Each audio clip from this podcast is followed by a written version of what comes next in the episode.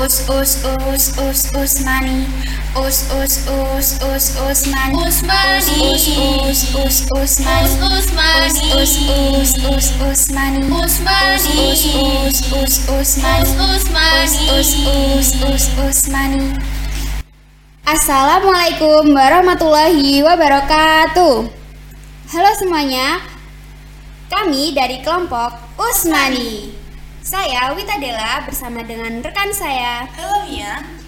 akan memandu kalian selama beberapa menit ke depan. Nah, jadi pada hari ini kita berdua ditemenin sama satu narasumber nih, yakni siapa siapa narasumber kita pada hari ini? Kak Oriza. Yeay.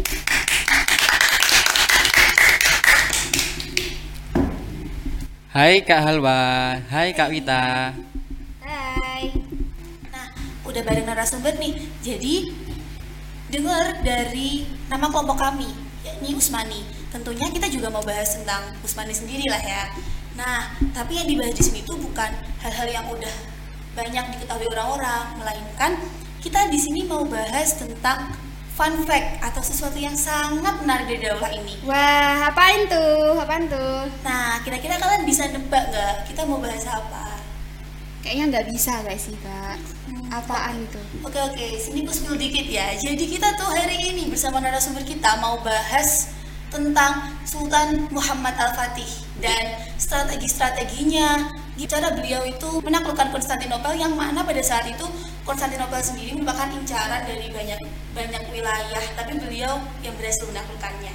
Wah keren banget kedengaran kedengarannya menarik banget nih aku sampai gak sampai jadi gak sabar gitu loh. Wah, jadi nah ini kalian udah pada kepo belum gimana ceritanya? Pasti kepo banget gak sih? Oke, sekarang bisa lan- langsung aja sih ke narasumbernya kalau kataku. Gimana kak? Setuju setuju setuju. Langsung aja kita ke Kak Osa.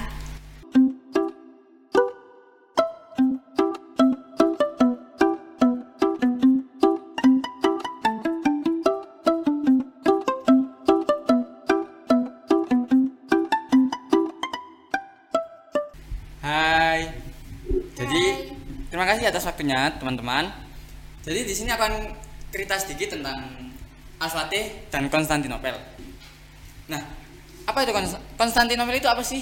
Jadi Konstantinopel itu adalah salah satu wilayah di Eropa yang mana pada zamannya sekitar abad 14 itu adalah sebuah- salah satu wilayah yang paling kuat pada masanya. Kenapa? Karena selama beratus-ratus abad banyak sekali wilayah yang mau menaklukkan mau dapetin si Konstantinopel ini tapi nggak bisa kenapa pertama secara daerah dia itu sangat strategis dikelilingi oleh laut-laut dan dan berbagai pertahanan. Yang kedua dia itu memiliki benteng sebanyak tiga lapis wow.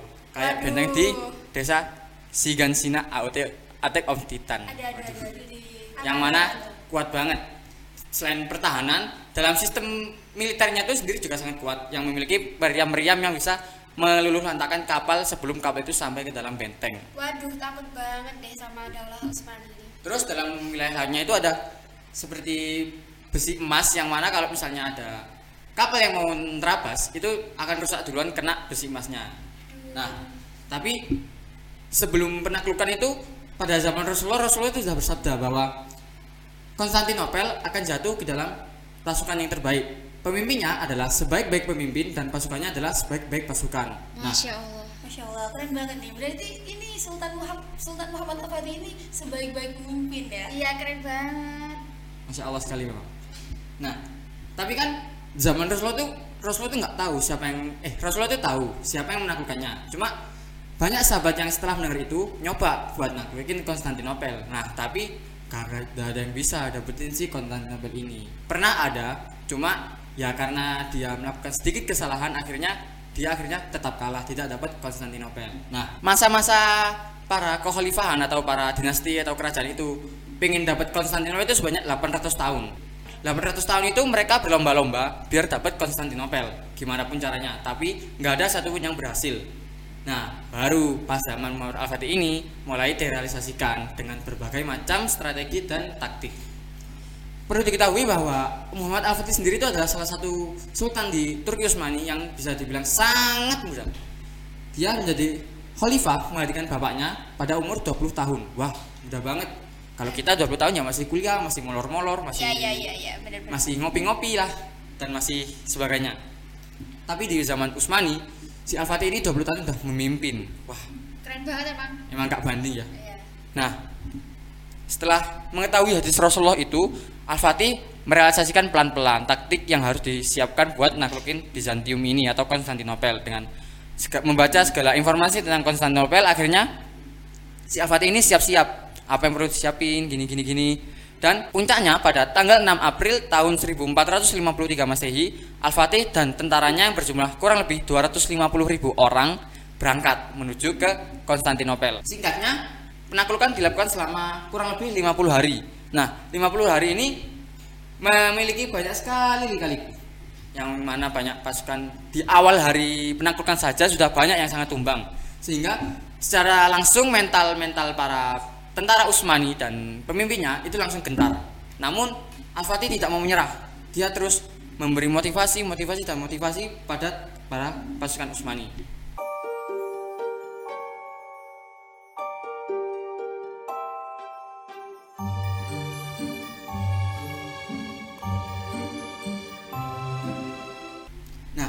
yang aku highlight di sini tuh adalah salah satu strateginya yang unik. Unik banget. Apaan Itu, tuh?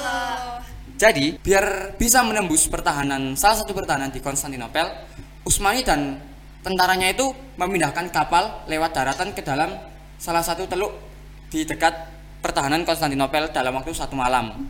Waduh waduh. Keren banget itu. Itu berat kapalnya berapa kok bisa cuma satu hari gitu Kak? Nah, itu kalau beratnya aku kurang tahu beratnya berapa. Cuma yang jelasnya itu kurang lebih pasukan Utsmani ini memindahkan 70 kapal dalam waktu satu malam lewat teluk daratan. Nah, akhirnya karena strategi yang bisa dibilang sangat cemerlang itu, pasukan Bizantium ini kaget. Dan karena cara itu juga, pasukan Utsmani ini mulai mengalami titik-titik kebangkitan. Di mana setelah beberapa hari itu tengah-tengah berperang, dia itu lemah, lemah, lemah karena banyak mulai memunculkan tanda-tanda kekalahan. Cuma setelah Muhammad Al-Fatih melakukan strategi seperti itu, akhirnya titik kebangkitan mulai bangkit. Dan pada akhirnya setelah kurang lebih 40 hari setelah mereka berjuang 250 ribu itu pada tanggal 29 Mei Alhamdulillah akhirnya Konstantinopel berhasil ditancapkan bendera kerajaan Turki Utsmani. Alhamdulillah. Namun karena Utsmani sendiri adalah ah, maaf, namun karena Al-Fatih sendiri itu orang Islam, jadi yang memiliki moral baik dan sikap toleransi yang tinggi, jadi Al-Fatih ini nggak nggak serta merta habis naklukin terus membunuh membantai orang orang kafir yang ada di sana. Nah, orang yang kafir di sana itu kan mengungsi di Hagia Sophia sama mereka dijajah. Namun setelah penaklukan mereka diberi kebebasan oleh Al-Fatih untuk melakukan kehidupannya di daerah di Konstantinopel itu. Walaupun Konstantinopel sudah menjadi taklukan kerajaan Utsmani. Masya Allah baik sekali. Banget kak? Emang baik banget jadi pemimpin. Memang memang setelah aku baca ini memang ah speechless sekali membaca kisahnya Al-Fatih ini. Dari pribadinya, kepintarannya, bakat-bakatnya, dia bisa menaklukkan kota yang 800 tahun dicoba oleh berbagai kalangan tidak bisa ditaklukkan. Nah, namun Al-Fatih ini punya musuh nggak cuma Konstantinopel aja.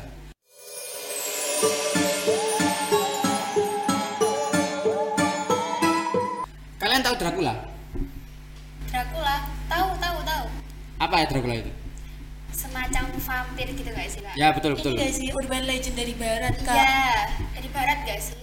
Dracula itu memang benar yang kayak vampir itu cuma kalau dari baratnya menurut aku itu kurang benar. Wah, dari mana jadinya kak? Dari barat kok salah? Nah, jadi gini. Dracula itu sebenarnya itu dalam Islam itu ada, real. Bukan mitos, bukan urban legend. Jadi Dracula dalam Islam itu benar-benar ada. Jadi selama ini yang kita dengar dari barat itu jadi salah gitu kak? Maksudnya? Bukan salah, cuma mungkin mereka memutarbalikkan fakta te- yang ada bahwa Dracula itu sebenarnya dari Islam.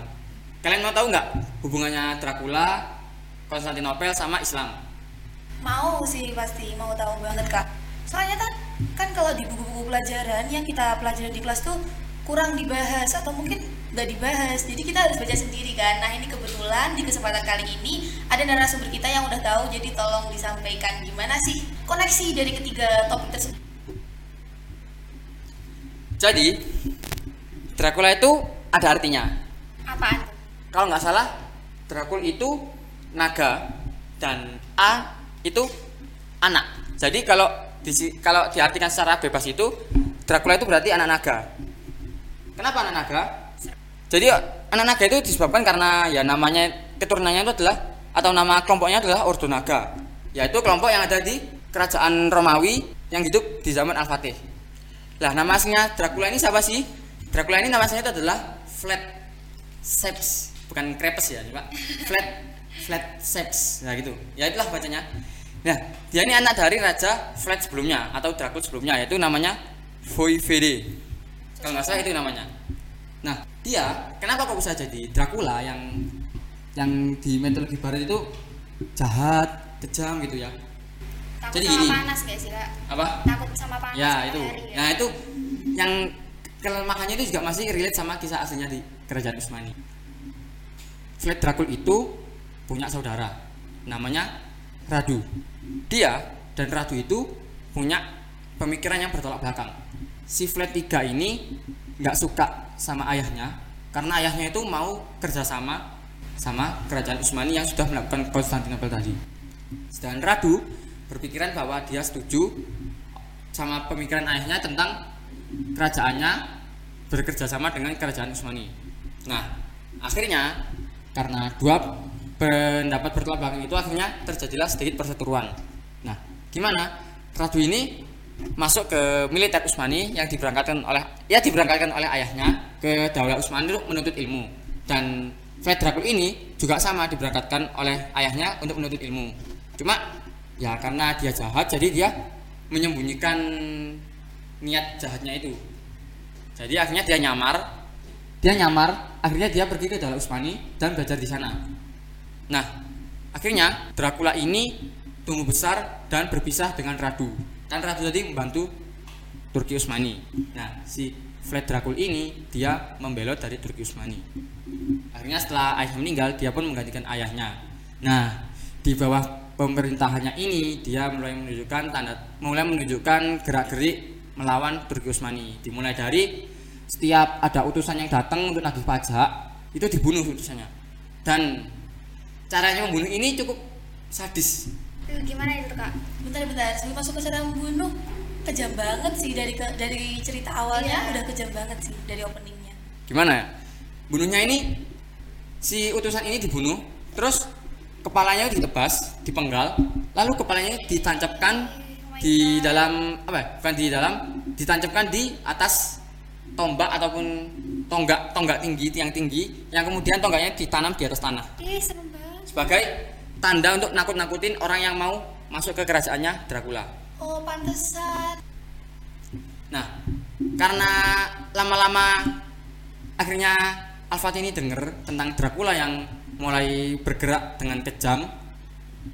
Akhirnya pada tahun 1461 itu atau 8 tahun setelah ditaklukkan, Al-Fatih ini mengutus salah satu panglimanya yang bernama Hamzah untuk membawa 1000 pasukan. Nah, di pertempuran leg pertama, pasukannya Hamzah ini tidak berhasil. Ya. Kok bisa itu kak? kan sekali lagi aku ingatkan Dracula ini pernah belajar di Turki jadi dia tahu Turki ini kuat di bagian apa, Oh, iya, di bagian apa. Nah, akhirnya dia menggunakan apa yang dia pelajari itu buat ngelawan si pasukan pertamanya ini. Lalu setelah tahu bahwa pasukannya kalah di leg pertama, dia mengeluarkan lagi siapa? Dia mengeluarkan adiknya sendiri untuk melawan si Dracula dengan memimpin 90.000 pasukan. Si Radu itu gak sih? Ya, Radu yang adiknya tadi itu. Lah, yang akhirnya pengutusan Radu sebagai tombal kedua atau ya sebagai penyerangan kedua oleh Al-Fatih ke dalam Dracula membuahkan hasil. Wah. Radu dan 90 ribu anak buahnya itu berhasil ngalahin si Dracula tadi. Nah, yang tadi aku ngomong tentang takut sama sinar matahari itu hubungannya sama ini. Jadi literatur yang aku baca itu kalau nggak salah Dracula ini ditaklukkan atau dikalahkan sama Radu pada waktu subuh. Jadi pada waktu matahari terbit itu dia dikalahkan oleh Radu.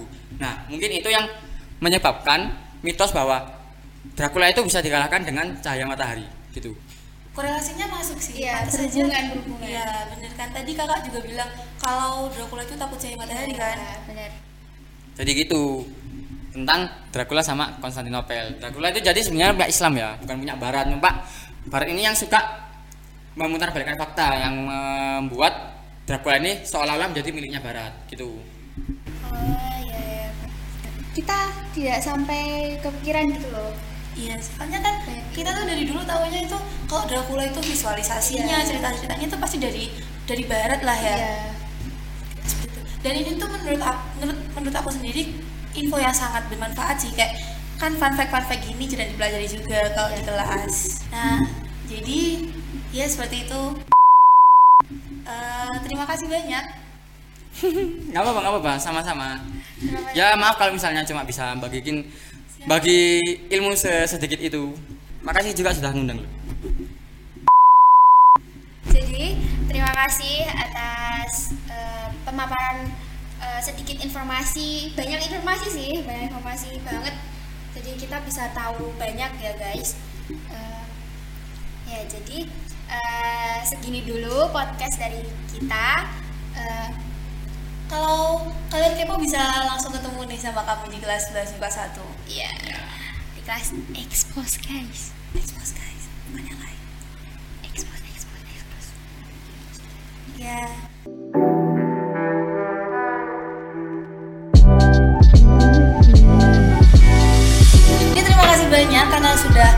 stay di, di podcast kita dan semoga kita bisa ketemu di lain waktu.